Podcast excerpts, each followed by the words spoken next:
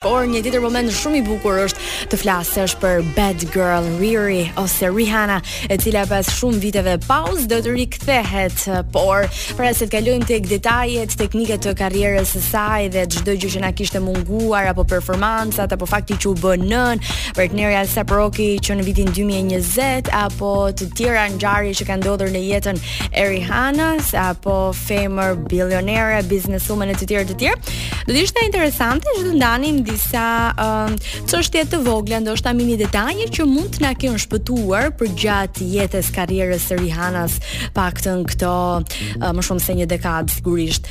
Emri i saj vërtet është Robin Rihanna Fenty, nëse ju nuk e dini, sigurisht nga ku ka marrë emrin edhe Fenty Beauty, ku Rihanna është shpallur vetëm nga Forbes, por është renditur nga qindra revista të tjera globale apo uh, për sa i përket biznesit si një femër self-made billionaire dhe për këtë arsye në fakt u tërhoq edhe nga muzika këto vite.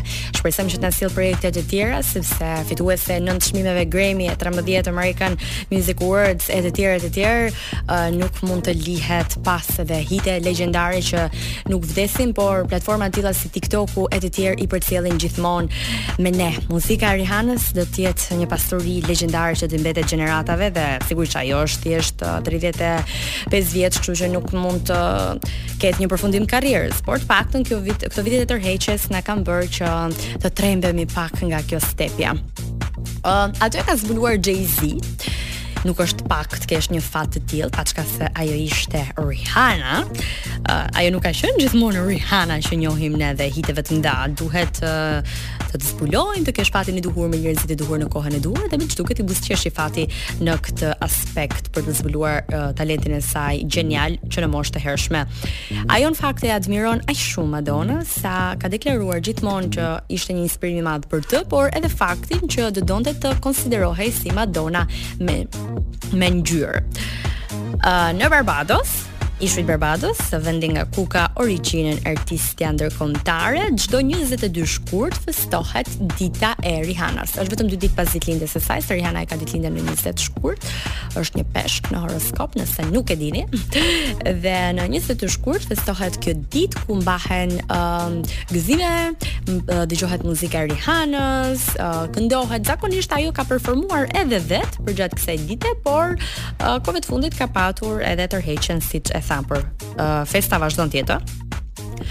Uh, historia e saj e dhunës nga ish partneri Chris Brown, që u bë legjendare dhe e famshme kudo nëpër botë, ka inspiruar avokatë të ndryshëm dhe të famshëm që të kenë çështje ligjore për sa i përket cënimit të integritetit social dhe moral të gjithë atyre personave uh, që në një moment të caktuar bien pre e një abuzimi qoftë ky i çfarëdo lloj forme dhe të mos publikohen foto. Në fakt fotot e publikuara nga revista prestigjioze dhe botërore të asaj kohe uh, të Rihanës uh, me me shenja goditjesh në fytyrë nuk kanë marrë ende asnjë gjobë dhe asnjë mënyrë uh, shpagimi apo dëmshpërblimi për Rihannën nga ana gjyqësore, por megjithatë kjo ishte një shtysë e mirë për të ndihmuar edhe të tjerë që do të vinin pas me të tilla ngjarje.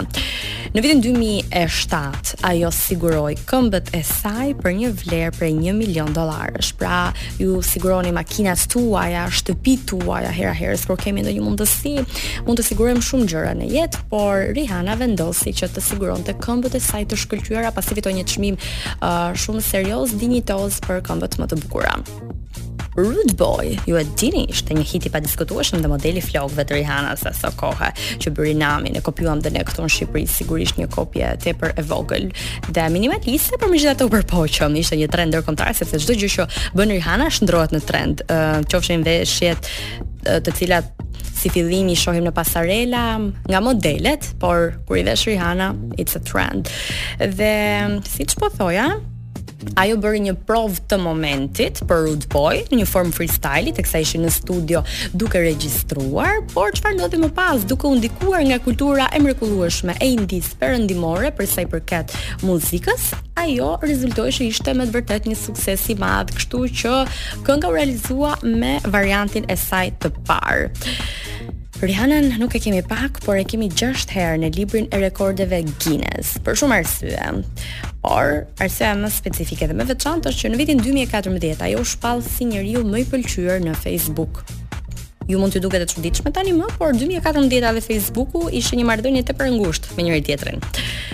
Ëm, uh, tani kishte e nuk kishte çudira nga Rihanna, por fakti që sa herë ajo vendoste të depilohej me dyll në zonën e bikinit. Ajo zgjidhte një grua ruse dhe të moshuar. Pse do thoni ju? Një herë, teksa nuk i kishte bërë këto përzgjedhje të kualifikuara dhe asistentet e saj me ç'duket nuk ishin treguar shumë të kujdesshëm, çfarë ndodhi? Gruaja që po kryente procesin e njohu dhe në mes të procesit, që duhet thënë është një proces i vështirë dhe i dhimbshëm, i kërkoi një autograf dhe kjo ishte me të vërtetë jo vetëm një ofezë gjigante për figurën e Rihanës, dhe personalitetin e saj, por edhe një cënim i privatësisë dhe i gjendjes në të cilën ishte ajo një mosrespektim i theksuar. Kështu që që nga ai moment ai tha I told you Russian and old. Kështu që dande. Ë uh, projekti i saj Umbrella nuk dihej që do të realizohej me Jay-Z-në. Ajo e ka marrë vesh këtë surprizë që u realizua nga ekipi i saj i menaxhimit vetëm kur kënga u publikua. Gjithashtu, Umbrella përveç kësaj, ë uh, në çdo koncert që Rihanna do të mbante dhe do ta këndonte si këngë, kishin të ndaluar në mënyrë kategorike dhe rreptësore uh, mbajtjen dhe sjelljen e çadrave për faktin uh, se do të kishte gjasë që të ndodhnin um, çështje um, të vështira apo ndonjë fatkeqësi apo ndonjë incident apo ndonjë aksident, kështu që për t'iu shmangur këtyre përgjegjësive dhe ngjarjeve jo të këndshme Rihanna i ndaloi ato në mënyrë kategorike.